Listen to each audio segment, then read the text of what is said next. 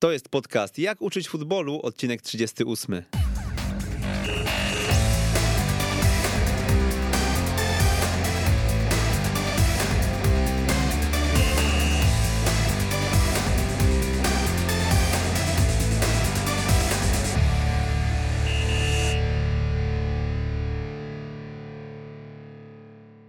Przemysław Mamczak, witam dziś bez Pawła Szymańskiego w 38 odcinku Jak uczyć futbolu, a bez Pawła dlatego, że nagrywamy nie jak co czwartek o 16 na żywo, e, z tego względu, że nasz dzisiejszy gość ma bardzo, bardzo napięty grafik. E, Ostatnio jest na ustach wszystkich, e, awansował z Rakowem Częstochowa do Ekstraklasy, e, doszedł też do półfinału Pucharu Polski, eliminując po drodze m.in. warszawską Legię.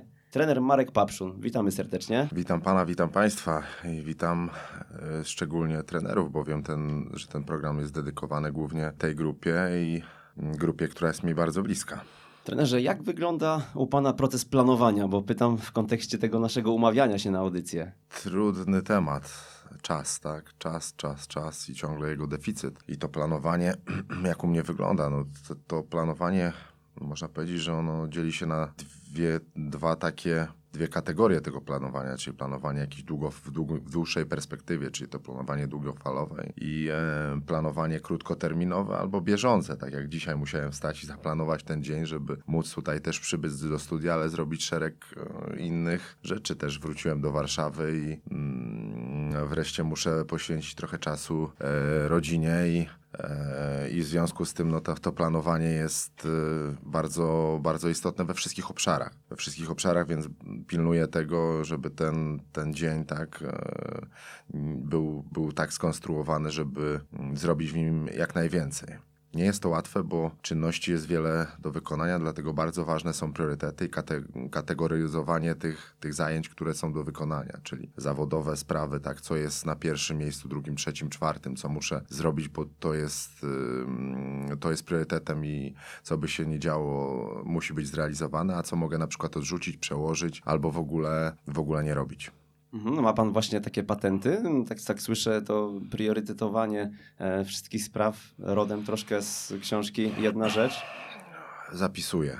Tak, tworzę, dużo piszę, dużo mam tych papierów, e, biurko, tablica, tego jest, zawsze jest tych karteczek gdzieś no, po prostu takim no, może tradycyjnym, staromodnym trochę sposobem, bo teraz jest telefon, e, jest, e, jest komputer, tak, więc e, już to nowe pokolenie, czy nawet nie nowe, no ja może nie jestem aż taki stary jeszcze, ale, ale jednak bardziej tradycjonalistą jestem w tym, w tym temacie i, i to mi, to mi bardzo, bardzo pomaga. Lubię mieć to zapisane i, i wtedy, wtedy nie giną mi te rzeczy produktywność to jest taki pana konik, można powiedzieć, bo w kontekście tego, co słyszy się o, o, pracy, jaką na siebie pan nakłada, na swój sztab, e, na to, ile godzin spędzacie w klubie, e, no chyba bez niej by się nie obyło.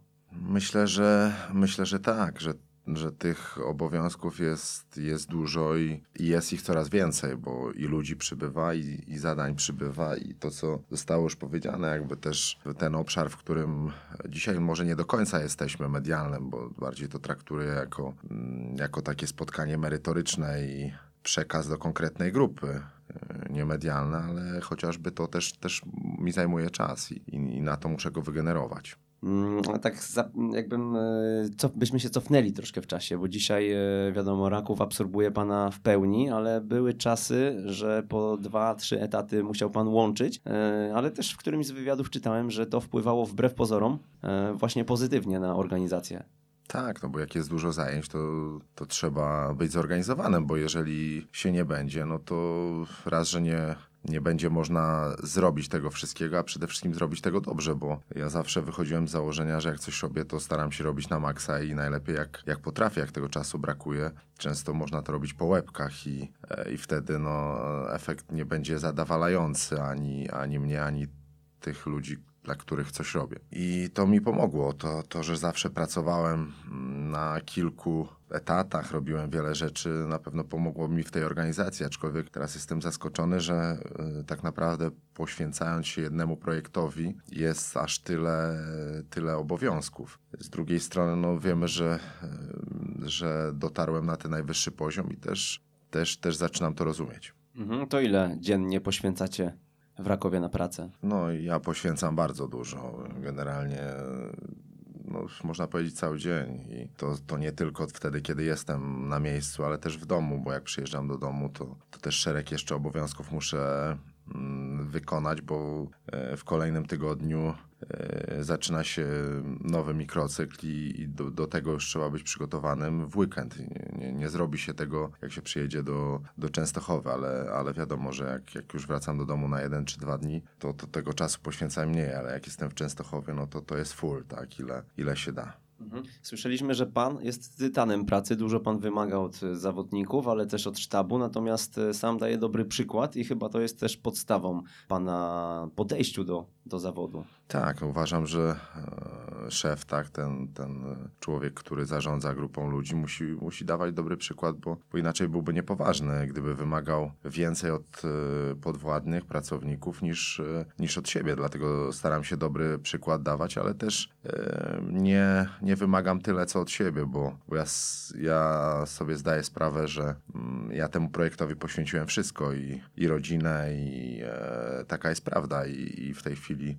piłka raków jest na pierwszym miejscu i to jest brutalne, ale po prostu tak jest i, i moja rodzina doskonale zdaje sobie z tego, z tego sprawę. Natomiast nie, od, nie wymagam od pracowników swoich trenerów, żeby pracowali tyle, co ja i nie pracują, bo, bo wiem, że mają swoje rodziny i, e, i też, e, też e, to rozumiem i akceptuję. Ja nie biorę ludzi takich pokroju e, siebie, że muszą być 24H do dyspozycji i, i e, jeżeli, jeżeli tego wymagam, to mają być w pracy. Nie, nie, tak, tak nie jest i, i e, nie ma tutaj żadnego zamordyzmu i są normalne, normalne warunki. Wiadomo, że pracujemy więcej pewnie niż niektóre grupy zawodowe ze względu też na wyjazdy, ale, ale w, normalnym, w, norma, w normalnym trybie na pewno nie wymagam tyle, ile od siebie. A w którym momencie to się przerodziło w aż taką dostępność z pańskiej strony, czyli aż taki reżim, który sobie pan narzucił?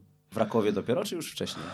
Jeżeli chodzi o piłkę, to tak, bo ja, ja wyjechałem i w Częstochowie jestem sam, można powiedzieć, i, i poświęciłem się tylko temu, stawiając sobie cel, że żeby się sprawdzić, tak, czy ja się nadaję na wyższy poziom, czy nie, bo, bo pracowałem już wiele lat jako trener, miałem bardzo dobrą renomę na Mazowszu, tu mnie wszyscy znali i szanowali. Byłem, myślę, że szanowanym trenerem i taką osobą, która, która już, już coś tutaj osiągnęła. Natomiast w skali Polski to, to, to, to właściwie było nic. E, i poziom drugoligowy, czyli de facto trzecia, trzeci poziom rozgrywkowy w Polsce, z jakimiś tam osiągnięciami nawet, to, to było, było nie za wiele, więc dostając tą propozycję, ja wszystko położyłem na szali i zostawiłem swoją pracę i rodzinę i, i stąd to, to poświęcenie, bo tak jak powiedziałem wcześniej, że jak jeżeli coś robiłem zawsze to na maksa i starałem się to robić dobrze i to było e, to samo. Wiadomo, ten projekt e,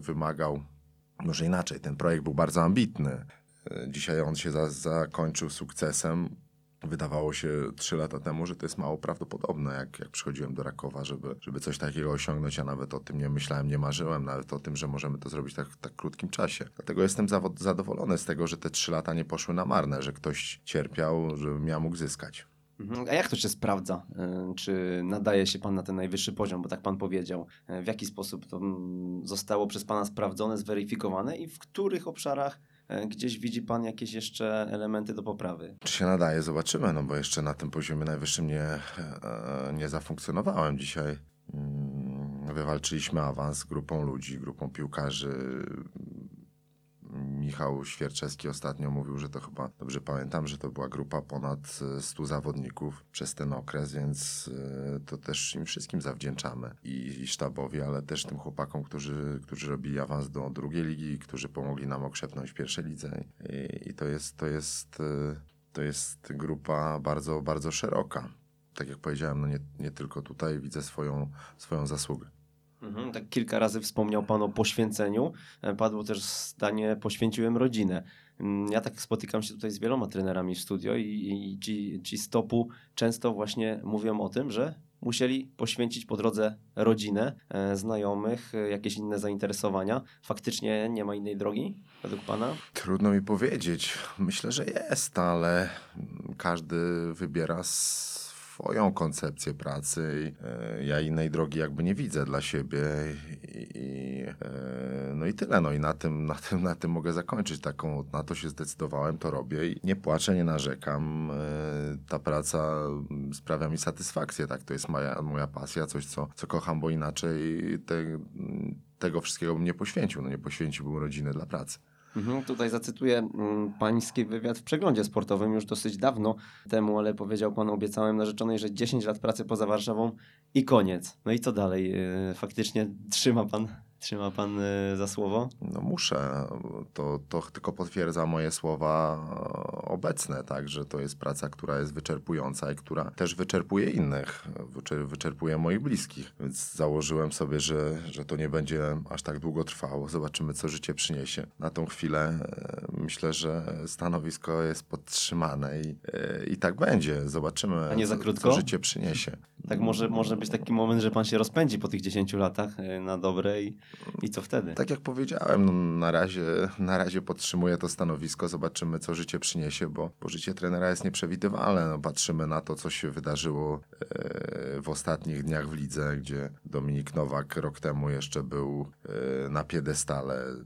Kapitalna robota w miedzi, awans, dobre wejście do ligi, fajna piłka, ale jednak spadek i, e, duże rozczarowanie. I taki jest los, los trenera. Darek, Darek Dudek robi awans za Zagłębiem. Teraz e, gdzieś tam media przypisują dwa, e, dwa spadki. Takie jest życie trenerskie, więc nie wiadomo, co, co będzie za rok. A śledzi pan prasę? Czy, czy na to w pańskim grafiku, w tym notatniku nie ma, nie ma miejsca? Mm, Staram się codziennie, e, Maciek Kędziorek jest, mam prenumeratę, się śmieję, e, przeglądu sportowego, więc staram się, staram się gdzieś tam znaleźć te parę minut, żeby chociaż te, te najważniejsze e, rzeczy sprawdzić, tak, czy, czy to, co, co tam donoszą dziennikarze, bo często to są też dla nas ważne kwestie związane na przykład z transferami, z e, jakimiś ruchami, z sytuacją w danym klubie. Trzeba wiedzieć, tak, co się dzieje, ale to głównie, głównie jest potrzebne do, do pracy. Mhm. No dobrze, trenerze, co trzeba mieć w sobie? y, Przejdziemy już troszkę do szatni, żeby tą szatnią tak twardo zarządzać, jak jest to przypisywane panu, bo e, no. Przekazy medialne, już nawet nie te ostatnie, ale, ale od lat są takie, że e, no, rządzi pan twardą ręką. No, tak się utarło. Nie wiem, czy to jest e, prawdziwe, bo, bo trudno mi to ocenić, co to jest twarde. Ja nigdy nie byłem asystentem i też nie grałem na najwyższym poziomie, więc e, nie, nie przeszedłem jakiejś szkoły, e, szkoły. No może, może jako piłkarz niższych klas e, kilku trenerów miałem i, i mogę, mogę tam sobie się odnieść do tego. E, Natomiast, e, no tak jak mówiłem, no nie byłem przede wszystkim asystentem u innych trenerów i, i trudno mi powiedzieć, jak, jak to do końca mm, wygląda. Oczywiście jakąś wiedzę posiadam, bo, e, bo to też nie jest e, tajemna wiedza, jak, jak trenerzy prowadzą zespoły i jaki mają kontakt z zawodnikami. Myślę, że, że to, to twarda ręka raczej zasady, które są wprowadzone i reguły, których zawodnicy po prostu przestrzegają. Kto ich nie przestrzega, nie pracujemy razem. I tu nie ma żadnej twardości. Ja dzisiaj pracując w Rakowie oczywiście wiadomo, że zupełnie inaczej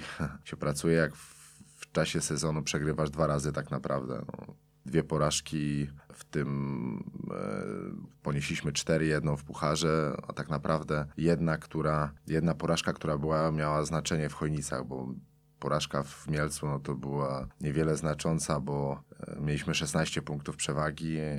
Porażka z ŁKS-em była już po awansie, z Wigrami po awansie, więc te porażki, no, nie, oczywiście jaki bol, boli każda, ale one, one są bez konsekwencji e, i też inaczej reaguje na nie, na nie zespół i e, tak naprawdę w takich momentach, gdzie, się nie wygrywa, dopiero, e, dopiero się poznaje ludzi, z którymi się współpracuje, jak oni się zachowują i, i co trzeba, jak, jak wtedy reagować. W tej chwili, tak jak powiedziałem, no, ty, tych trudnych momentów, tych trudnych chwil nie było, e, więc innych problemów nie było generalnie. Tak to Mhm. wygląda. No właśnie, a te ostatnie mecze w obliczu awansu były dla pana też e, bardzo ważne? Bo tak sobie myślę, że to jest też dobry czas, żeby obserwować właśnie, co się dzieje z zawodnikami, którzy teoretycznie mogą już sobie odpuścić i pofolgować.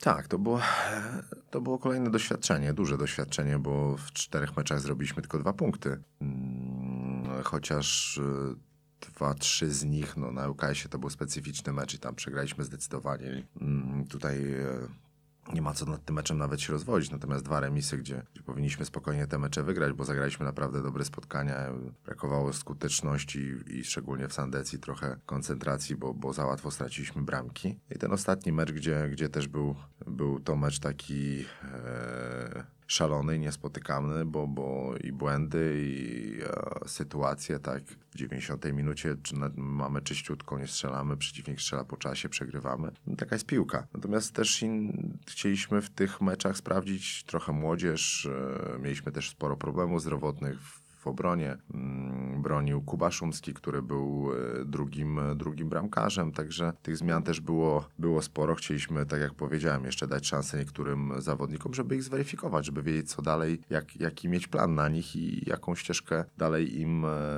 zaproponować. I to akurat było bardzo, bardzo cenne, bo też się przekonaliśmy co do niektórych zawodników i, i wiemy co zrobić. Ja jestem zdecydowany i zresztą już te decyzje zapadły, zawodnicy są poinformowani, co, za, co dalej będzie, będzie z nim. Także czas pożyteczny, a i też patrzyłem, jak wygląda szatnia z motywacją, jakie są niektórych zawodników w takim momencie, czy, czy potrafią się zmotywować, czy, mm, czy jednak nie i, e, i w przyszłości no, też trzeba na to zwrócić uwagę. Do tego jeszcze mm, wrócimy, e, a czy uważa pan, że to trochę taki mit, e, taka łatka, która została przypięta właśnie e, trenerowi twardej ręki, zamykając jeszcze ten wątek. E, a tak w gruncie rzeczy to Marek Papszun jest e, spokojnym facetem, z którym da się dogadać i tak naprawdę mm, tylko chodzi o to, żebyśmy mieli spójne i wspólne cele. Dogadać na pewno się da, czy jestem spokojny, no też nie, nie zgodzę się, bo na pewno emocjonalny jestem i może już mniej niż kiedyś, ale, ale jestem i, i pewnie to się nigdy e, nie zmieni. I tu też nie będę teraz kreował się na wyważonego faceta, który jak w każdej sytuacji się zachować. Myślę, że wie, ale, ale piłka to emocje i bez tego, bez tego też nie, nie byłoby tego poświęcenia, gdyby nie było tych emocji, tylko takie wyrachowanie, bo pewnie bym to traktował jak zwykłą pracę, a, a wtedy nie mógłbym się w pełni poświęcić. W rozmowie z trenerem Maćkiem Kędziorkiem, czyli e, pańskim drugim trenerem w sztabie, zapytałem, czy jesteście sztabem bezkompromisowym. E, Uważa pan, że jesteście? Nie wiem, co to, co, co to pojęcie oznacza do końca bezkompromisowym, w kontekście czego. W kontekście zasad, które ustaliliście, tak? E, Nie ma od nich odstępstw? Czy zdarza się, że ktoś jednak przekona do e, tego, że może warto je zweryfikować i może troszkę, troszkę zoptymalizować? Zależy co, jakie to są odstępstwa. W niektórych, przy niektórych kwestiach, wykroczeniach, tak, no nie ma, nie ma litości e, i e, bilet jest w jedną stronę. Natomiast no wiem, że wszyscy jesteśmy ludźmi też popełniały błędy i, i zależy kto co zrobi też, no taka jest prawda i na kogo, na kogo możemy liczyć. Mm, Wiemy jak się też zachowywał, znamy tych ludzi, więc e, nie traktowałbym tego zero-jedynkowo, że nie możesz popełnić jakiegoś błędu czy przestępstwa piłkarskiego, i, bo jesteś skasowany. Nie, to tak nie działa. E, Trenerze, to było wałkowane już w mediach wielokrotnie, ale powiedział Pan o litości. E, Jak to jest wymienić aż tak znaczącą część kadry mm, drużyny w kontekście awansu, który się chwilę wcześniej zrobiło? trudny temat, bo to chyba ta najczarniejsza strona trenerki, gdzie trzeba się rozstawać z zawodnikami, z którymi się zrobiło, e, odniosło wielki sukces i którzy byli współautorami tego sukcesu, szczególnie wartościowymi ludźmi, bo, bo to jest dla mnie najbardziej ważne. Dzisiaj mm, musiałem się pożegnać z kapitanem drużyny, z którym zrobiliśmy dwa awanse, Rafałem Figlem. To był bardzo trudny moment też e, pod kątem naszych ostatnich, e, ostatniego czasu relacji naszych, gdzie, gdzie to, to, to też wszystko nie było, nie było łatwe, bo tak e, schodził z tego, z tego planu trochę, a jest to bardzo wartościowy ch- chłopak i mega profesjonalista i to są trudne, trudne chwile i, i e, momenty e, no niefajne, ale z drugiej strony patrząc na to, jesteśmy profesjonalistami to raz, a dwa, Rafał się stał lepszym piłkarzem przy mnie i przy moim sztabie i on o tym doskonale wie i że zrobił postęp i myślę, że będzie znaczącą postacią w innym zespole. To jest ta duża wartość też i, i, i e, ten plus, że oni odchodzą jako lepsi piłkarze i też są wdzięczni. No, Karol Mondek czy, czy Łukasz Góra, który też ze mną pracował tutaj trzy lata, oni mają propozycje i myślę, że, że to, jest, to jest bardzo ważne, że ci zawodnicy, którzy od nas odejdą, oni będą grali na poziomie i będą mogli się realizować i też zarabiać dobre pieniądze. Jakoś z czasem e, tak dojrzał pan do tego, że tak trzeba i, i musi pan sobie poradzić, czy te sytuacje śnią się po nocach? To znaczy, może zabrzmi to tak ostro, ale ja nie miałem z tym problemu nigdy jakiegoś, e, bo ja uważam, że ja nikomu w tej drużynie, w klubie nie robię krzywdy, a wręcz przeciwnie, poświęcam się, tak jak mówiłem, dla dobra tych chłopaków i też ich rozwoju, więc, e, więc to nie jest tak, że on był tutaj szykanowany, odstawiany, gnębiony i teraz ja mu coś muszę w oczy powiedzieć. E, dlatego nie, nie przychodzi mi to bardzo trudno, tak? I ja to robię zawsze, mm, nigdy przez prezesa, właściciela, tylko zawodnicy zawsze się dowiadują o tym ode mnie. Wiemy, że to nie jest regułą i standardem. W tym klubie się nie zdarzyło, żeby, żeby zawodnik dowiedział się od kogo innego, że odchodzi niż, niż ode mnie w bezpośredniej rozmowie w cztery e, oczy. Już jak przyszedłem, odchodzili bardzo doświadczeni zawodnicy, którzy tu byli, jak e, Mielcarz, Pawlusiński, e, pamiętam Radler, Błażej, czy, czy Lepczyński, Adrian, to byli zawodnicy, którzy mieli wiele występów w ekstraklasie już i, no i musieliśmy się też rozstać, no bo nie, nie taka była wizja moja budowania tej drużyny i, i też e, musieli to zrozumieć. No jednym było łatwiej, dru, drugim trudniej, ale tak jak powiedziałem, ja nie mam sobie nic do zarzucenia, bo ja tym zawodnikom e, nic nie, nie zrobiłem, szanowałem ich zawsze, więc, więc to nie jest, nie jest dla mnie duży problem. Mhm, a żeby kontynuować e, sukcesy to jest nieuchronne, żeby tę kadrę tak, tak wymienić? Czy myśli pan, że e, no, też, też jest jakaś inna droga? Bo w pewnym sensie oni się nasycają tak, tym e, sukcesem, no i później trudno jest im pewnie jakąś taką motywację e, wewnętrzną w sobie obudzić przy kolejnym sezonie. Każda drużyna, e, każdy zestaw ludzki jest inny. Nie ma tu reguły żadnej. Myślę, że nie w każdym, w każdym sezonie, w każdym klubie z innymi ludźmi no, był, byłoby to inaczej. Może odszedłby jeden, może dwóch, może dziesięciu, może piętnastu. To zależy od, od tego, co chcemy zrobić w kolejnym sezonie, w którym miejscu jesteśmy, na jakim poziomie, jak widzimy i oceniamy zawodników. To też mówię w kontekście tego, co się wydarzyło w tych ostatnich czterech meczach. No, tak się sprawdza, sprawdza ludzi, czy, czy podołają, czy widzimy w nich ludzi, którzy będą z nami realizowali kolejne cele. To nie jest łatwe bo, e, bo można po prostu się pomylić, jak przy transferach, tak tutaj no nie wiadomo jakby wypalił zawodnik. Teraz w pierwszej lidze gra w Ekstraklasie, jest trochę na, inaczej wygląda, prawda, na, na, na wyższym poziomie, więc, więc tego tak naprawdę nie wiemy. Na coś się trzeba decydować, ja się na to decyduję wspólnie z właścicielem i, i to robimy. A skąd taka reguła u Pana? Bo tak jak powiedział Pan, to nie jest norma, żeby właśnie wyjść z tej strefy komfortu i każdym, z każdym z zawodników stanąć twarzą w twarz. Szczególnie w kontekście tych, którym kończą się kontrakty i tak dalej, no to e, jest to załatwiane w różny sposób w polskich klubach. No, są gorsze sytuacje, bo, bo się rozwiązuje kontrakt z zawodnikiem, prawda? Bo jak, jak się kończy kontrakt, to, to jest jakby takie, taka naturalna kolej rzeczy, natomiast jak jest kontrakt, to jeszcze zostają inne sprawy, rozliczenia i tak dalej, i tak dalej, więc, e, więc czasami nie są to sytuacje przyjemne też, ale tak jak powiedziałem, to jest wkalkulowane i to jest też w zakresie jakby moich obowiązków, nie za przyjemnych, ale jednak, jednak obowiązków i trzeba stanąć twarzą w twarz z tym i z tymi ludźmi, z którymi się pracuje. No ja nie wyobrażam sobie, żeby żeby mojego pracownika zwalniał, e, zwalniał prezes czy, e, czy, czy właściciel, bo to takie trochę tchórzostwo dla mnie i, e, i, i brak odwagi, żeby stanąć z tymi, usiąść z tymi ludźmi i powiedzieć im to prosto w twarz. No dobra, co trzeba mieć w sobie, żeby móc wprowadzić swoje własne zasady, nie zgadzać się na te ustępstwa, pewnie też miejsce, tak, do którego się trafia. E, zapytam też o przeszłość, bo w Rakowie wiemy, że prezes Świerczewski ma z panem bardzo dobry kontakt. E, konsultujecie sobie tam wszystko i, e, i też jednak to pan podejmuje ostateczne decyzje. A jak to wyglądało w przeszłości?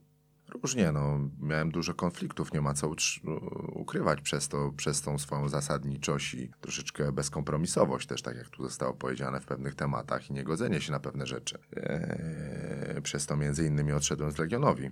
po, po chyba największym sukcesie klubu, bo utrzymanie w, w lidze z, z reorganizowanej, gdzie sześć drużyn się utrzymywało, będąc na 12 miejscu po pierwszej rundzie i wygrywając drugą rundę, no dziwna sytuacja, prawda, że trener odchodzi z klubu. Oczywiście kontrakt się skończył i sprawa naturalna, ale, ale, ale też nie było żadnych e, propozy żadnej propozycji ani chęci z mojej strony, więc te relacje nie były dobre. Mm, przez to, że no nie byli, nie, nie pracowali tam ludzie wartościowi, ludzie, którzy, mm, którzy byli ludźmi uczciwymi, a ja z takimi ludźmi no, nie chcę mieć e, nic wspólnego i nasze drogi się jakby e, rozeszły.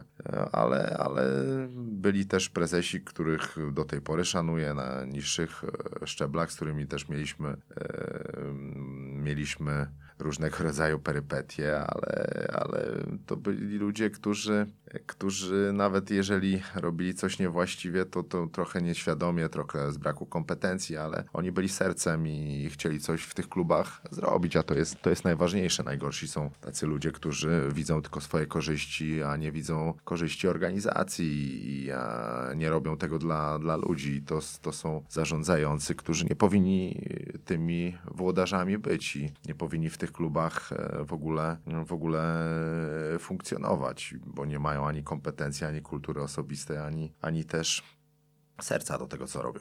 Trenerze, jaką cechę musi mieć trener, który mm, w szatni chce własne wartości, własne zasady zostawić i, i, i utrzymać, a nie iść na jakieś kompromisy, które e, nie są spójne i zgodne z nim samym? Myślę, że musi być e, konsekwentny w tym, co robi i być dobrym przykładem, bo jeżeli takim nie będzie i powiedzmy będzie wy, wymagał punktualności, a sam się spóźniał, czy, czy wymagał mm, innych e, rzeczy od zespołu, a ich nie, nie realizował, powiedzmy był nieprzygotowany, tak, czy, czy był nieuczciwy, niesprawiedliwy, tak, to, to, to też nie może wymagać od tych ludzi tego, bo nie jest dobrym, dobrym przykładem. Czyli tak jak mówię, konsekwencja i dobry, dobry przykład to, mm, to jest to, co, co pomaga to, to wszystko utrzymywać, bo, bo wtedy jest to łatwe i tak jak mówiłem w kontekście zawodników, że można w każdej chwili spojrzeć im w oczy. Jakie są cechy dobrego lidera? No, skupiamy się tutaj na szatni piłkarskiej, tak? Jesteśmy w podcaście o, o szkoleniu, więc, więc skupmy się na życiu trenera piłki nożnej. Myślę, że dużo jest e, potrzebnych cech. No przede wszystkim muszą być kompetencje, bo bez kompetencji e, nie będzie się dobrym liderem, bo zespół za tobą nie pójdzie. Jeżeli będzie widział, że, że trener ma mało do zaoferowania, jest po prostu warsztatowo słaby, to, to może być tutaj problem. Dodatkowo te wszystkie cechy, o których tutaj mówiliśmy, to zawodnicy też, też widzą, czy to jest pasja trenera, czy on e, lubi to, co robi, czy jest dobrze do tej pracy nastawiony, czy, czy umie tych ludzi zmobilizować, zjednoczyć, czy, e, czy oni będą w stanie pójść razem w jednym, e, w jednym kierunku. Tych, tych cech myślę, że jest bardzo, bardzo, bardzo wiele. To są cechy związane z życiem codziennym, tak, z kulturą osobistą, z,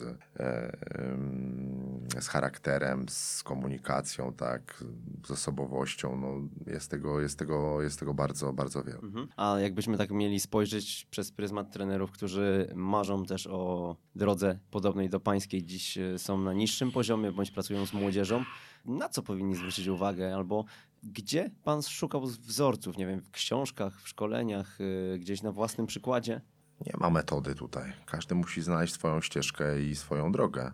Gdzie ja szukałem jakiejś inspiracji, też trudno jednoznacznie powiedzieć. To jest e, codzienność, tak? Czy przeczytasz jakąś książkę, czy, czy pojedziesz na staż, czy obejrzysz mecz, czy, czy po prostu rozmawiasz z ludźmi też. To inaczej, jak, co, jak pan myśli, co pana ukształtowało tak najbardziej i najmocniej? Ja uważam, że u mnie wszystko się działo tak po kolei, tak... E, tak stopień po stopniu, stopniu szczebel po, po szczebelku, tak jak już mówiłem gdzieś chyba, że mi, mi nikt e, nic nie dał ja do wszystkiego musiałem dojść. To, że dzisiaj ja awansowałem do ekstraklasy, to właśnie awansowałem i do każdej, do każdej ligi tak też było. Czyli ja nie dostałem pracy na wyższym poziomie nigdy, tylko ja już na tym poziomie byłem. A byłem przez to, że do tej ligi awansowałem. Czyli to jest jakby, to pokazuje jakby obraz mojej, mojej ścieżki całej, że ja do wszystkiego musiałem dojść, dojść sam. Mi nikt tego nie dał. To oczywiście e, tutaj pojawiają się głosy, że ja dostałem szansę od właściciela za kredyt zaufania, tylko trzeba pamiętać o jednej rzeczy, że ja w pierwszym roku od razu zrobiłem awans, to o jakim kredycie zaufania mówimy. Gdyby tego awansu nie było, nie wiadomo jak moja droga by się potoczyła, bo miałem też e, takie okrutne zapisy w kontrakcie, bardzo niekorzystne dla mnie i na które też się zgodziłem, wierząc w to, że, że sobie poradzę. Oczywiście dzisiaj tych zapisów bym w żaden sposób nie dał e, zastosować, ale też pozycja moja była zupełnie inna, więc e, trochę mnie śmieszą te opowieści o kredycie zaufania, jaki ja tutaj e, dostałem. No może zabrzmi to nieskromnie, ale ja do wszystkiego musiałem dojść sam. Mhm, droga podobna do mm, drogi trenera Ireneusza Mambrota, e, a jak tak słuchają nas e, pewnie, pewnie nasi słuchacze, to mogą pomyśleć, kurczę, to wygląda tak jakby to wszystko samo się urodziło przez te lata. A myśli pan, że e, bardziej są to cechy wrodzone może, takie umiejętności, które mm, doprowadzają na sam szczyt, czy jednak e, te nabyte są istotniejsze? Myślę, że to coś trzeba mieć w sobie, natomiast nad sobą trzeba cały czas pracować. Przykład y, fizjonomii czy aparycji się tak nie zmieni, tak? Można ją poprawić i, i tak samo jest z tymi zdolnościami. Myślę, że to gdzieś, gdzieś jest dane, tak jak talent piłkarzowi, tak e, talent też trenerowi. Natomiast sam talent, no to wiemy, że u piłkarza nic nie znaczy, jeżeli nie jest poparty pracą, determinacją, ciągłym dążeniem do celu, to z samego talentu nic nie będzie, bo wiele talentów y, ginie po drodze, tak, i, e, i nie osiągają sukcesu. I tak samo jest z trenerem, bo też też jesteśmy ludźmi, tak samo jest z panem jako mm, dziennikarzem czy, czy redaktorem, tak? Jeżeli, jeżeli tu nie będzie ciągłego rozwoju pracy nad sobą, to, to nie osiągnie się nic wielkiego, większego, tak? Yy, I, i myślę, że tak, tą żyłkę do czegoś trzeba mieć, tak jak pan do, do swojej profesji. Tak samo, tak samo trener też, też tą gdzieś żyłkę musi mieć, trochę tego talentu, jakieś ikry danej przez Boga, ale praca to jest nad sobą, to jest słowo, słowo klucz. Poza słowem bezkompromisowość, yy, przy nazwisku Papszun często pojawia się też słowo charyzma. Co to znaczy mieć charyzmę? Co to znaczy mieć e, charyzmę? To, to też, też jest związane chyba z, z tym całokształtem narzędzi, które, które, którymi człowiek, człowiek dysponuje, czyli od, od właśnie tego wyglądu słowa, przekazu, tak, e, osobowości, też kultury, zachowania, to wszystko, wszystko się składa ta charyzma, ale też znowu wracamy, kompetencje, no nie będziesz miał charyzmy, jak będziesz stał, tylko krzyczał, tak, no to to nie jest charyzma. Charyzma to też, e, też umiejętność zareagowania w, pierwszy, w pewnych sytuacjach, odpowiedniej, odpowiedniej reakcji właściwej, która wpłynie na ludzi, która mm, zabodźcuje tych ludzi do, do zrobienia czegoś oczekiwanego czyli czegoś, co byśmy chcieli, żeby się wydarzyło, tak? Mhm. E, no dobrze, tutaj rozmawiamy sobie właśnie dużo o takich e, rozwojowych, roz, o rozwoju codzienności. A mm, co takiego wpłynęło na Pana w perspektywie tych lat, jeśli chodzi o jakieś szkolenia, nie wiem, konferencje, staże, było, był taki moment przełomowy z perspektywy czasu, że tam pan dostrzegł coś, tak jak rozmawialiśmy przed, przed audycją o trenerze z Hiszpanii, prawda? E, że coś gdzieś tam przeskoczyło nagle, nagle w głowie i z dzisiejszej perspektywy uważa pan, że to było bardzo istotne? Nie przypominam sobie takiej chwili. Nie przypominam sobie, natomiast pamiętam, że odkąd zostałem trenerem, czyli to było 99-2000 rok, to na przykład będąc w Warszawie nie opuściłem żadnej konferencji, e, kursokonferencji Mazowieckiego Związku Piłki Nożnej, która się odbywa dwa razy w roku. Na przykład, tak? Tych, tych konferencji, kursów kiedyś było bardzo mało. Właściwie na tym się tylko opierało to. Dzisiaj tych szkoleń, kursów jest wiele poza wymaganymi oczywiście licencyjnymi, które e, organizuje PZPN czy regionalne związki piłki nożnej, to, to dzisiaj wejdziemy, włączylibyśmy teraz internet i, i znajdziemy przynajmniej, no, sezon się kończy to bardzo dużo, bo oprócz związkowych konferencji są, są też takie jednodniowe organizowane przez różne organizacje i dzisiaj naprawdę trzeba umiejętnie selekcjonować, uważam, te, te szkolenia, bo, bo też mm, myślę, że niektóre, mm, niektóre, no może inaczej, każde na pewno coś wnoszą, ale z niektórych można skorzystać więcej, z drugich zdecydowanie yy, mniej. Ja się starałem korzystać ze wszystkich możliwości, czy czasopisma, czy czy konferencje, czy, czy kursy, tak, czy e, literatura, książki, biografie chociażby, tak. Dużo, dużo czytałem dzisiaj, to jest też moją bolączką, jeżeli mówiliśmy o czasie, co się odrzuca, książki, które bardzo lubię czytać, a nie mam na to totalnie, totalnie czasu i też jak, jak już ta moja przygoda z trenerką się skończy, to na pewno zamierzam nadrobić te, te zaległości, bo już mówię, że jak trochę staje się taki upośledzony, bo nie, nie, jeżeli uda mi się jakąś książkę przeczytać, to ona oczywiście jest związana z moją profesją, to już się robi takie chorobliwe i, e, i to też nie jest, nie jest e, do końca dobre. Natomiast wracając do, do pytania, no nie, nie było znowu czegoś i, i myślę, że nie będzie. Ja tu nie dam żadnej rady. Każdy, tak jak powiedziałem, musi znaleźć swoją drogę i codziennie mm, starać się kształcić i, i rozwijać w każdym możliwym obszarze, tak jak mówiliśmy o tej gazecie, tak?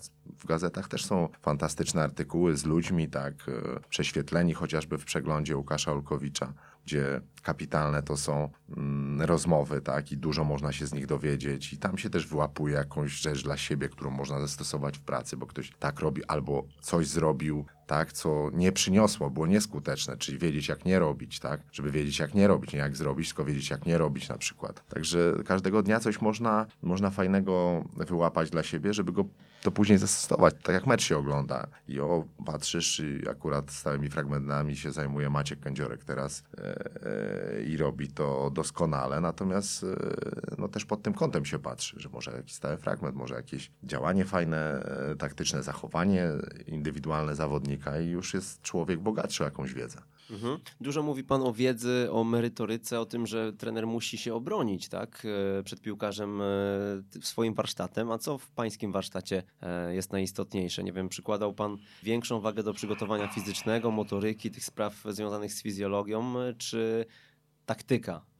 Myślę, że moim atutem jest to, że ja pracowałem na niższych, w niższych ligach, gdzie musiałem wszystko robić sam, prawda? Czyli w każdym obszarze ja musiałem być fachowcem, specjalistą przygotowania fizycznego, mentalnego, taktycznego, technicznego, analizy. Ja to wszystko musiałem umieć, bo starałem się to robić bardzo dobrze od początku, czyli, czyli też analiza przeciwnika już była w lidze okręgowej, tak? I jeździłem sam, obserwowałem, jak się udawało, nagrywałem tą wiedzę już musiałem mieć. Dzisiaj mam specjalistów w każdej z tych dziedzin, fantastycznych ludzi, którzy tym się zajmują, ale to jakby ja jestem koordynatorem tego wszystkiego i ta wiedza, którą posiadłem na tych niższych szczeblach i też ją wdrożyłem, bo to było ileś pomyłek, tak, jakby mm, no, mo można to też tak nazwać, nie? że ten warsztat y, ewaluował, on się cały czas zmieniał, że widziałem coś jest nieskuteczne, zmienialiśmy to, dalej tak robimy i to się, myślę, proces jest niekończący, to tak jak budowa drużyny. Jeżeli chcesz się rozwijać, nie możesz yy, popaść w taką rutynę, w stagnację,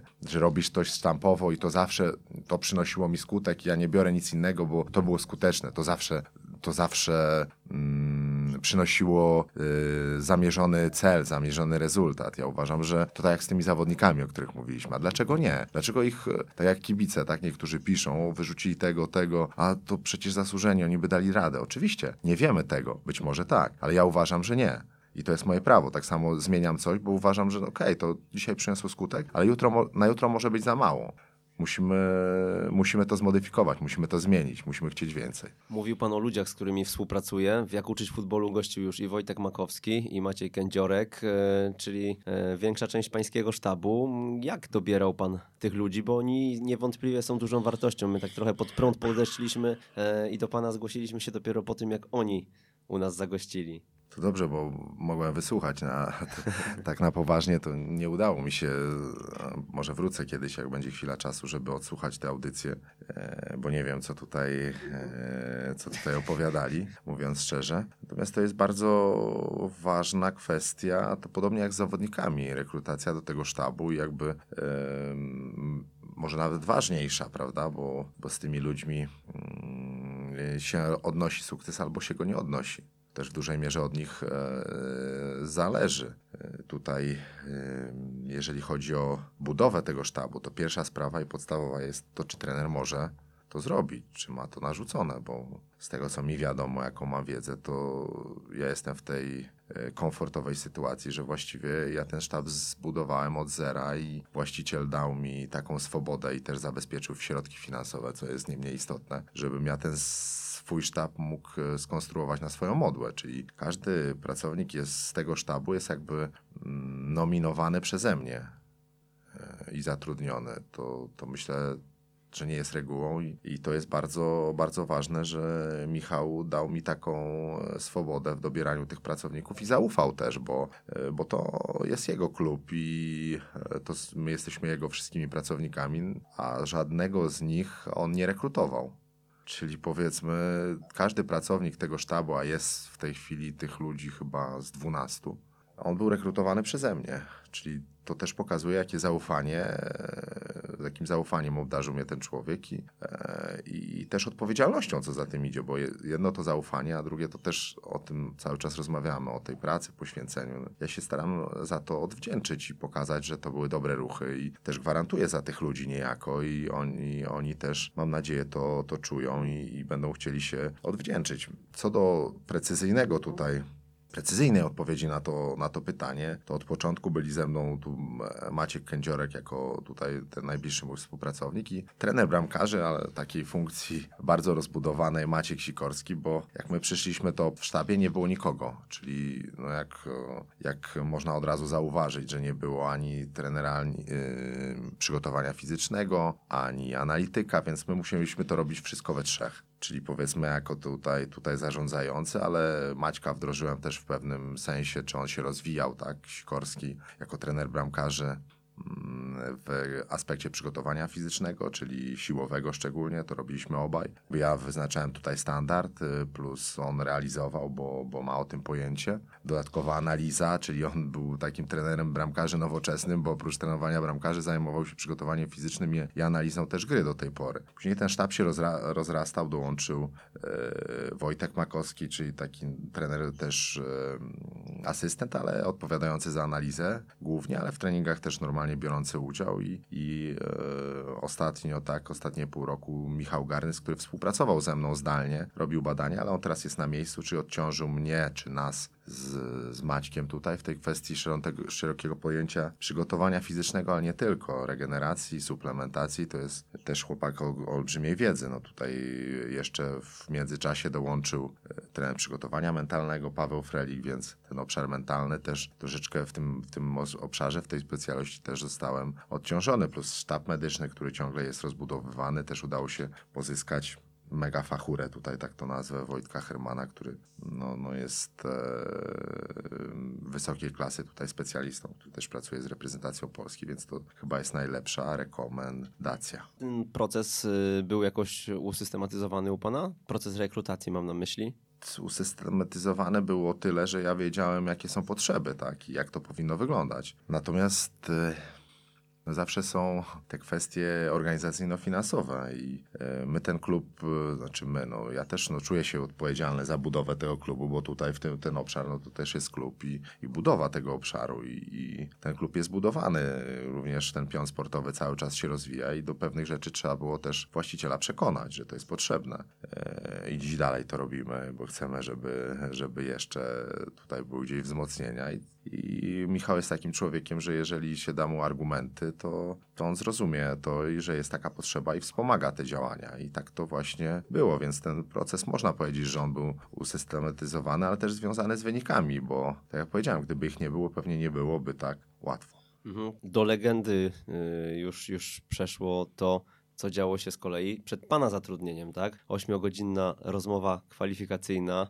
e, Była prezentacja, były jakieś tam dodatkowe zadania. E, Myśli pan, że taki styl pozyskiwania nowych trenerów to przyszłość? E, I czy to, co prezes Świerczewski, za co w tej chwili jest tak, tak bardzo chwalony, e, stanie się normą? To tak jak nasza rozmowa tutaj, 40 zagadnień, tak samo rekrutacja, e, rekrutacja do Rakowa. Taki porządek chyba jest ważny. E, To, co pan zrobił, przygotował pan się do spotkania i dlatego to spotkanie może być w pewnym stopniu merytoryczne, ale też przede wszystkim uporządkowane. To już zostało też powiedziane, że ja, ja to oczywiście akceptuję, może mi łatwiej, bo, bo jestem trenerem, tak, ale te- też ostatni czas w najwyższej lidze pokazał, że że no niezbyt te, ten zawód jest szanowany przez działaczy, przez właścicieli, przez zarządzających klubami E, i coś tu nie gra tak naprawdę, bo powierzamy, e, kluby powierzają w ręce tego człowieka, czyli trenera głównego, największą wartość, jaką mają. Tu się chyba zgodzimy, prawda? Że to będzie pierwszy zespół jest największą wartością każdego klubu. Prawie każdego, bo wiadomo, jeżeli jest e, klub nastawiony na produkcję tylko młodzieży, no to nie do końca tak jest. No, ale w klubie profesjonalnym, który ma cel, ekstraklasę, puchary, wartością nadrzędną będzie pierwszy zespół. I teraz powierzamy to człowiekowi, który, no, którego tak naprawdę nie znamy, nie wiemy.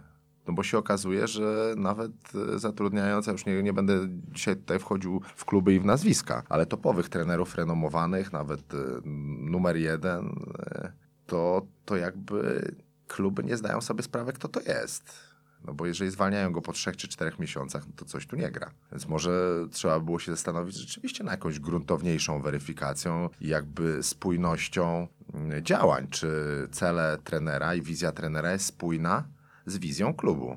Bo chyba ta wizja, te cele, tak, praca, może człowiek, charakter, osobowość, podejście, tak, może, może to, to, to nie, nie wygląda tak, tak do końca. Choć są z drugiej strony kluby, które, które wiem, że, że też rekrutują mm, bardzo, bardzo profesjonalnie, więc Michał tu nie był jakimś prekursorem, ale, ale myślę, że logika jakby jego działań i, i podstawy do tego były, bo tak jak mówiliśmy, ja nie byłem znany gdzieś w Polsce trenerem i teraz byłem też niewiadomą.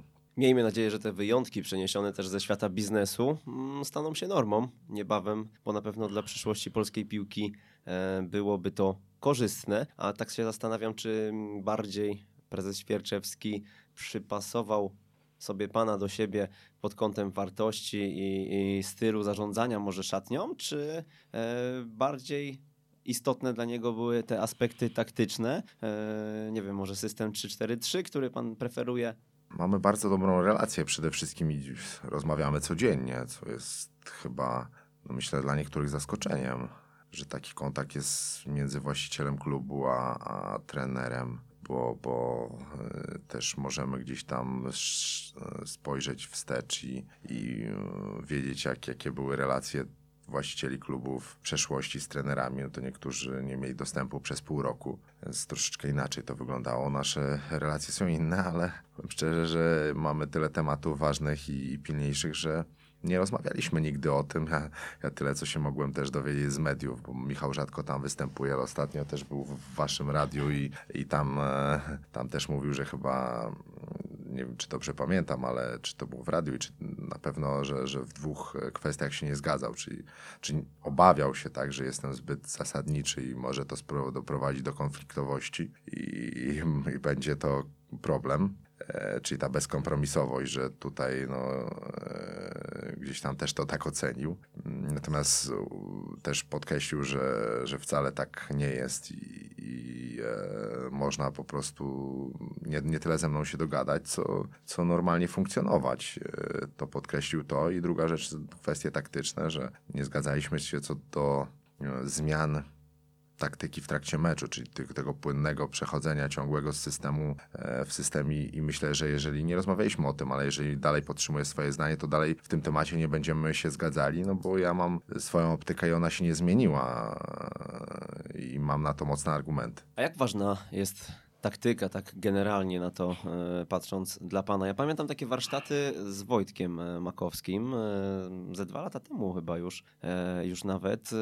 Wojtek opowiadał o, o takich detalach, jak na przykład, nie wiem, ustawienie ciała bocznego obrońcy, nawet takie nietypowe przemyślenia, chyba to też, też gdzieś tam od pana wyszło, tak, żeby on był ustawiony do przeciwnika, a nie w kierunku piłki przy dośrodkowaniu z drugiej strony. No, dużo jest tego i odpowiadając też na pytanie konkretnie, taktyka jest bardzo ważna. Taktyka indywidualna, taktyka grupowa, taktyka zespołowa, bo to jest e, gra która, e, która wymaga tej współpracy między zawodnikami, bo jeżeli ta współpraca szwankuje, to są mniejsze szanse na to, że zespół wygra. Musi być skoordynowane to trochę jak, jak drużyna w wojsku, tak? Że jeżeli te szyki są dobre, dobrze zorganizowane, to są trudne do pokonania dla wroga. Jeżeli e, ci żołnierze nie do końca wiedzą, co mają robić, jak się zachować, no to są łatwiejszym celem dla wroga. Tu jest identycznie. To jest przełożenie jeden do jednego, uważam. Jeżeli ta drużyna jest zorganizowana, wiedząca, co ma robić, jak współpracować ze sobą, to szanse na zwycięstwo są e, większe. Oczywiście liczy się snajper, tak, ten, który dobrze strzela, tak, ten, który dobrze rzuca,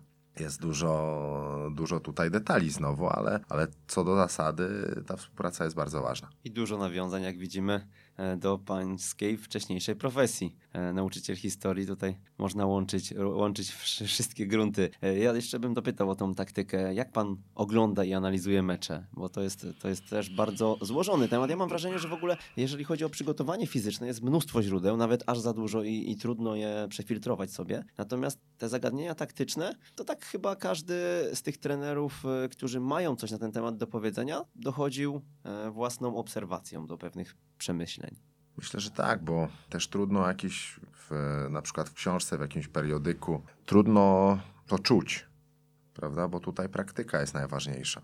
Czyli to, co się dzieje na boisku i jak to realizują yy, zawodnicy, więc tutaj musiały być to filmy instruktażowe, jeżeli już, ja to tak widzę, bo jeżeli sama książka, grafika, zdjęcie to jest mało. Animacja nawet, tak, to, to nie oddaje tego, bo tu tak jak mówimy, co do zasady, no to tą taktykę wszyscy znają, tak, i czy to będzie trójka, czwórka, piątka, różne modyfikacje, współpraca między z tymi zawodnikami, to, to globalnie, no wszyscy to znają, tak, sposób poruszania się, czy to będzie tak, e, czy to będzie obrona powiedzmy jeden na jeden, czy mieszana, czy strefą, no to to wszyscy o tym wiedzą, wszyscy to znają. Ale diabeł tkwi jak zwykle w tych szczegółach, w małych rzeczach na którą się znowu zbiera całość. Ilość tych małych rzeczy się znowu zbiera na, na duże rzeczy, czyli, czyli wpływa na grę generalnie. I no, zwracanie uwagi na te szczegóły jest bardzo, bardzo istotne i bardzo, bardzo ważne. A tych szczegółów jest bardzo, w grze bardzo yy, dużo. A podzieli się pan jakimiś sposobami na to? W jaki spo jak uczył się pan tego w przeszłości? Czyli, nie wiem, oglądając mecz, wyznaczał sobie pan przed tym spotkaniem jakiś cel obserwacyjny, jakiś detal, na który będzie pan zwracał uwagę przez jakiś czas, czy... Nie, to przychodzi znowu samo. Ilość tych obserwacji, ilość tych meczów powoduje to, że coraz więcej rzeczy się wychwytuje i też się patrzy na to w inny sposób niż do tej pory. I widzi się te rzeczy, których się w niej widziało e, wcześniej, ale to też jest związane z rozwojem warsztatu, że mm, to, to przez to, że ten warsztat gdzieś tam się rozwija, on ewaluuje, no, widzi się też inne rzeczy, no, bo gdyby się widziało wszystko od razu, tak, no to nie pracowałbym w drugiej lidze, tylko w, w Premiership, tak, i, i, i robiłbym, nie zająłbym mi to tyle czasu, tylko robiłbym te awanse w każdym klubie i wygrywał ze wszystkimi też. Oczywiście, no, to jest uproszczenie duże, bo sama taktyka nie gra, bo tak naprawdę znowu wracamy do sedna, że grają ludzie, czyli grają piłkarze, ale w, jakich, w jakichś ramach, czyli ramy, te ramy to jest, to jest właśnie taktyka. Mhm. Dużo ogląda pan meczów? Mało oglądam, w ogóle nie oglądam praktycznie jako kibic. Gro meczów no to jest związane z naszą grą, prawda? Z obserwacją przeciwnika, analizą przeciwnika, swoimi działaniami.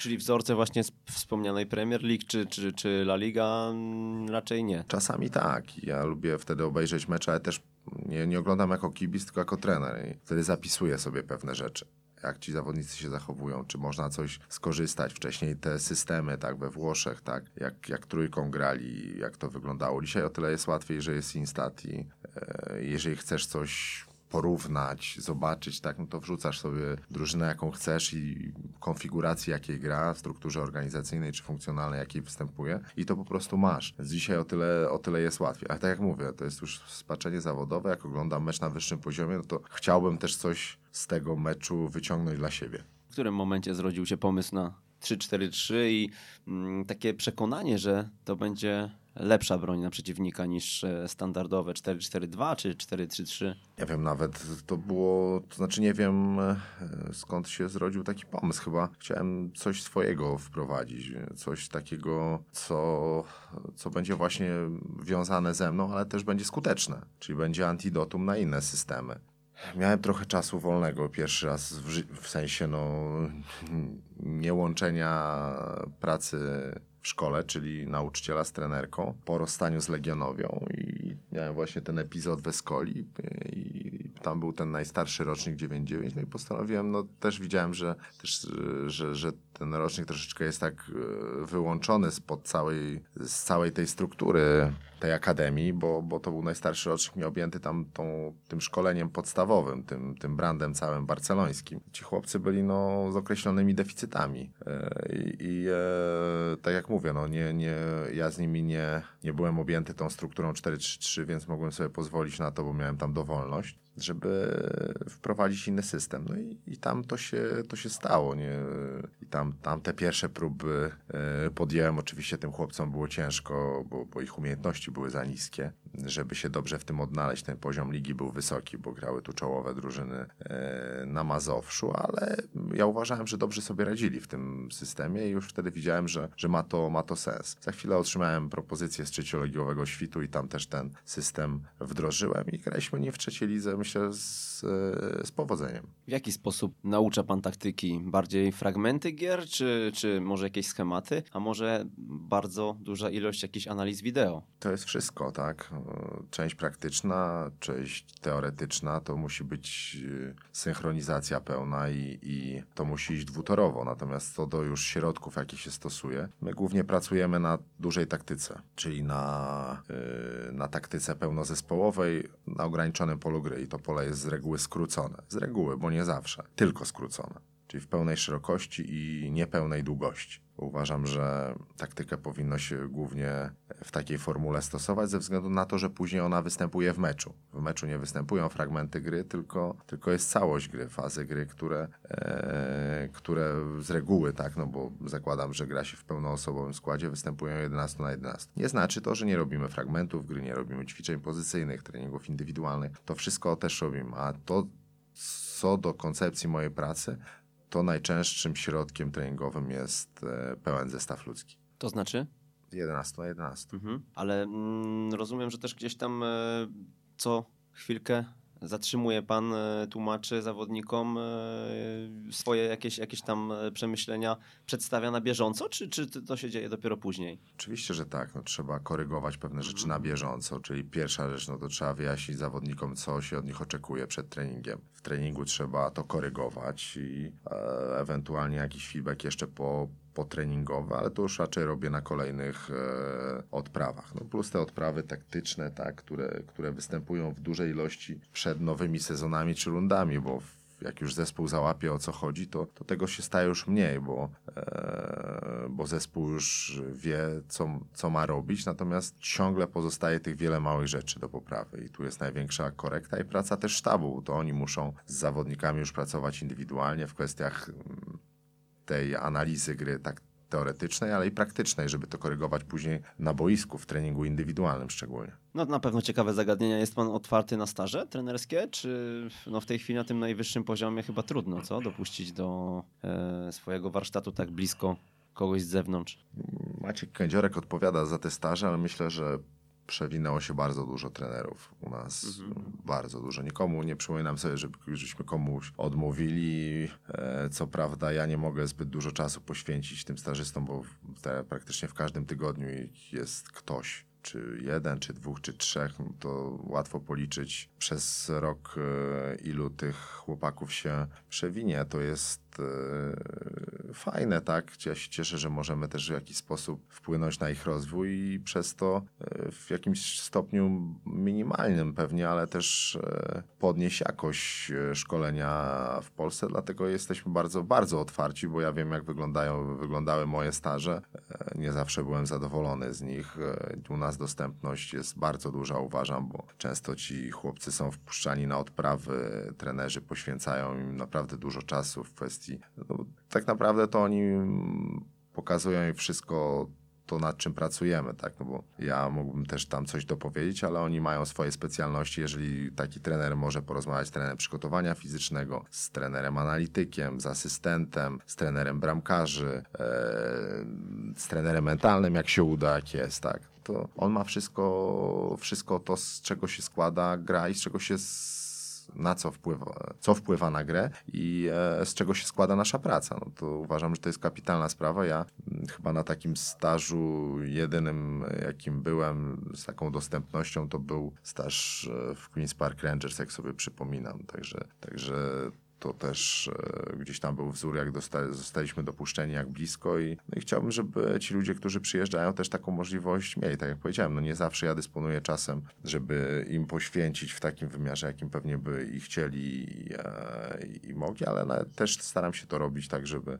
żeby każdy był zadowolony. Oj, no to po takiej deklaracji myślę, że trener Kędziorek będzie miał kolejkę chętnych do, do siebie, do was na staż. Ja też miałem przyjemność uczestniczyć tam dosyć krótko w połączeniu ze stażem w Akademii, e, natomiast wiem, że słuchają nas trenerzy i, i trener Śledź do dzisiaj wspomina, e, że po naszej audycji gdzieś tych maili spłynęło mu naprawdę sporo, no ale fajnie, że w ten sposób na to patrzycie, bo wiem, że trener Kędziorek, który nas wtedy mm, też, też wprowadzał e, w tajniki waszej pracy, bardzo otwarcie i bardzo, bardzo mm, w taki sposób partnerski podchodził do nas jako trenerów, tak, którzy którzy zawitali w Częstochowie. Myślę, że to jest dobre podejście. Trenerze, jeszcze zapytam o, e, mam taki jeden cytat z przeglądu sportowego odnośnie motywacji. Mówiliśmy tutaj o, o, o tych strefie mentalnej, bardziej w kontekście pana charakteru, e, ale powiedział pan, że kreatywność była duża, a dziś nie ma e, takich potrzeb, by nie wiadomo jak pobudzać motywację. Nauczyłem się, że ona powstaje w codziennej pracy i rozmowach. To nie przejdzie, żeby bumelować od poniedziałku do piątku, a w sobotę puścić im husarię z hasłem jedziemy z nimi, żadnej bitwy nie przegramy. Jak te wy rozmowy wyglądają? Jak to tak płynnie przemyca pan, żeby ta motywacja w zespole była taka, jaką widzieliśmy w tym sezonie w Rakowie? No to jest właśnie to znowu, znowu ta codzienna praca, ta codzienna codzienność, jak komunikacja z tymi zawodnikami, nie tylko moja, ale przekazywanie tych wartości, tych reguł przez sztab szkoleniowy, bo każdy z nich rozmawia z piłkarzami i jakby wpływa na to, jak oni będą nastawieni, jak oni będą podchodzili do, yy, do pracy. To jest znowu taka praca, praca bardzo rozłożona, ale i bardzo yy, bym powiedział, skrupulatna, no, taka detaliczna praca, która, no, w, która ma swój, swoje podłoże w takich codziennych kontaktach, codziennych relacjach, zachowaniach, ale też podejściu do treningu, do, mm, do regeneracji, do analizy. Tak wiadomo, że niektórzy zawodnicy chłoną to i czerpią i siedzą z otwartą buzią, niektórzy przysypiają, niektórzy mają inne zdanie, coś szepczą, tak, czy, czy się uśmiechają tajemnie pod nosem, ale to ja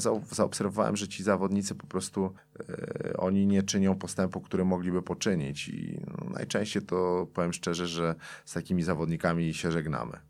Czyli tymi zawodnikami, którzy nie, nie chcą tego, co my oferujemy, co proponujemy, no to po prostu się rozstajemy, no bo nie ma sensu, jeżeli ktoś ma inną wizję zupełnie, e, widać, że on, ja widzę, że on się nie rozwija, to jest do, dla niego źle i dla nas źle, bo on nam dużo nie pomoże, my jemu też nie pomożemy, bo on nie chce, żebyśmy mu pomogli wtedy najlepszym rozwiązaniem jest rozstanie się, więc, więc często, często, może często to złe słowo, ale zdarzają się takie przypadki, że z tego powodu się, się rozstaniemy, że za, ja, mnie, mnie boli zawsze, że jak zawodnik nie wykorzystuje mm, swojego potencjału i nie, nie chce się rozwijać. Znaczy, on pewnie chce, tylko nie rozumie i nie wie, jaką drogą się rozwijać, jaką drogą iść, iść do tego celu. I no jeżeli ja nie mogę spowodować, my nie możemy spowodować tego, żeby on na tą drogę wskoczył, to myślę, że najlepiej się rozstać, żeby, żeby sobie po prostu, może inaczej, żeby nie doprowadzić do takiego momentu konfliktowego mocno, że będzie starcie i wtedy trzeba będzie przesunąć do drugiej drużyny,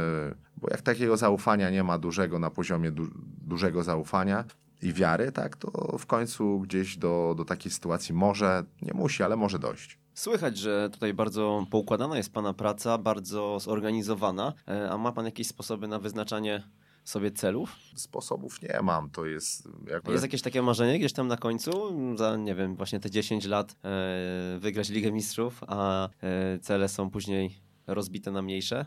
No nie, ja takich ambicji nigdy nie miałem. Pamiętam jak Wojtka Makowskiego rekrutowałem, to ja go zapytałem właśnie, jakie ty masz marzenia, ambicje, cele, co chciałbyś osiągnąć. I on mówi, ja, to, ja dążę do tego, że, żeby wygrać Ligę Mistrzów, nie? Ja mówię, no okej, okay, no sobie myślę, nie? Że fajnie, super. No ja takich ambicji nie mam mam takich marzeń, nie, nie mam chyba takiej wyobraźni aż. Być może to jest to, raczej, raczej to są takie cele krótkoterminowe, krótkofalowe, czyli powiedzmy mm, mieliśmy w tym sezonie cel jakby być w ósemce.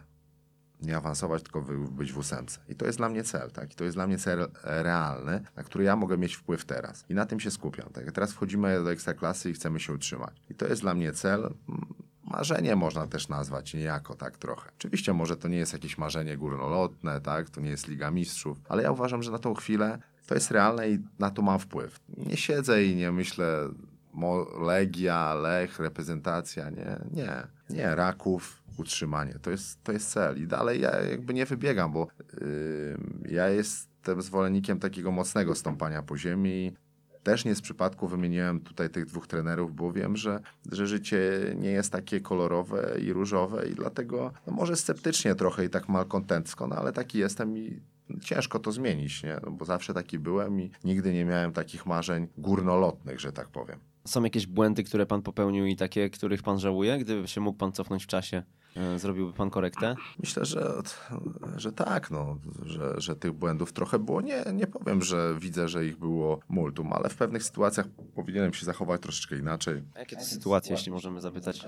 Różne, różne, no i, e, i sytuacje życiowe, i gdzieś w podejściu trochę do ludzi, nie? I myślę, że, że cały czas te zmiany przede mną, bo to taka jakby jednokierunkowość, ona też to jest wszystko dobre, ale, ale też y, ja jestem coraz starszy i tak widzę, że świata się nie zmieni i, e, i różni są ludzie i w pewne rzeczy po prostu no, trzeba zaakceptować w jakiś sposób, że tak jest i, i na to się nie wpłynąć. Ja, ja, myślę, że nie zmienię tego, że ja nie za bardzo chcę z takimi ludźmi funkcjonować, ale wiem też, że oni muszą być i będą, tak? I będą w życiu, będą w piłce, w tym, co ja, ja robię i po prostu z większym spokojem powinienem do tego podchodzić, mówiąc kolokwialnie, nie napinać się, tak? Tak, tylko robić swoje i jakby troszeczkę, troszeczkę od, wszystkie, od tego wszystkiego się, się odciąć, bo to powoduje sytuacje, których można było uniknąć, czyli tych błędów, które gdzieś się popełniło. A jest takie coś, co mm, gdyby mógł pan się cofnąć e, do wieku 20 lat, spotkałby pan 20-letniego Marka Papszuna i chciałby mu pan coś przekazać, powiedzieć, uchronić go przed czymś? No, w tym wieku to ja na dużo głupot narobiłem, to ja się cieszę, że wyszedłem na prostą w tym życiu, bo przez to nie zostałem piłkarzem profesjonalnym, że nie miałem dobrze w głowie poukładane. Do, późno dorosłem dopiero do takiego życia poważnego i, e, i dlatego jestem w tym miejscu, w którym jestem dzisiaj. To też jest taki dobry przykład dla młodych ludzi, że, mm, że można gdzieś tam po drodze, po drodze jeszcze wejść na tą dobrą ścieżkę i normalnie zacząć e, funkcjonować. I, e, I myślę, że dzisiaj mimo tego, że tych zagrożeń dla młodych ludzi jest, jest dużo, to jest łatwiej, bo jednak świadomość jest większa ludzi, jest więcej możliwości rozwoju. Kiedyś tego nie było. Kiedyś, kiedyś to wszystko wyglądało inaczej. Zacząłem o tych konferencjach. Tak samo, tak samo w życiu. Jeżeli ktoś cię nie pokierował, ktoś cię gdzieś na dobrą drogę nie wprowadził, no to, to, to było trudno. Dzisiaj pewnie też jest podobnie, no, że ktoś tam musi cię troszeczkę pokierować, ale dzisiaj więcej, więcej możliwości, chociażby ta dostępność e, do świata poprzez media, e, tak, to, to, to myślę, że mimo wszystko jest na plus. Są tego zagrożenia, wiemy dobrze jakie, ale też, też jest dużo korzyści z tego tytułu, bo ta dostępność do wszystkiego jest taka, że można, można wiele rzeczy, jeżeli ma się trochę oleju w głowie, można samemu do wielu rzeczy dojść. Mhm, już zbliżamy się nieuchronnie do końca audycji. E, powiedział Pan o głupotach, jakieś tam, które miały miejsce za młodu. Chodziło bardziej o niesportowy tryb życia, czy o jakieś olewanie treningów? To też, no, niesportowy tryb życia to był jakby standardem w tamtych czasach, nie tylko na tych niższych poziomach, ale na wyższych też. Mhm świadomość była bardzo, bardzo e, niska i, i też przez to, e, przez to, przez to no, ten rozwój był bardzo ograniczony, ale mm, tak jak powiedziałem, no, wyglądało to, to kiedyś zupełnie inaczej. No, scouting jako taki nie istniał właściwie, prawda? E, dzisiaj, co by nie mówić o e, grupie menadżerów, czyli, czyli tym, tej profesji, tak, która, która jest nieodzowna przy piłce, no to, to ma, ona ma dobrze, dużo swoich plusów, bo znam menadżerów, którzy mm, e, opiekują się tymi piłkarzami i wyznaczają e, właściwe tory dla, dla chłopaków. Kiedyś takich ludzi e, brakowało, a wiadomo, jeżeli nie pochodziło się z rodziny gdzieś usportowionej, e, która, która gdzieś to miała w genach, e, ja z takiej pochodziłem, pochodzę, to, to nie było to, to łatwe, ale, ale też pokazuje to, że taką determinacją można było się gdzieś w e, sporcie odnaleźć i do czegoś dojść. To pańska kariera czy przygoda z piłką e, wpłynęła na tyle, że dzisiaj e, n- chce nas- pan mieć samych gladiatorów w zespole, takich, którzy będą się super odżywiać, nie pozwolą sobie na żaden alkohol tam e, po drodze, tak?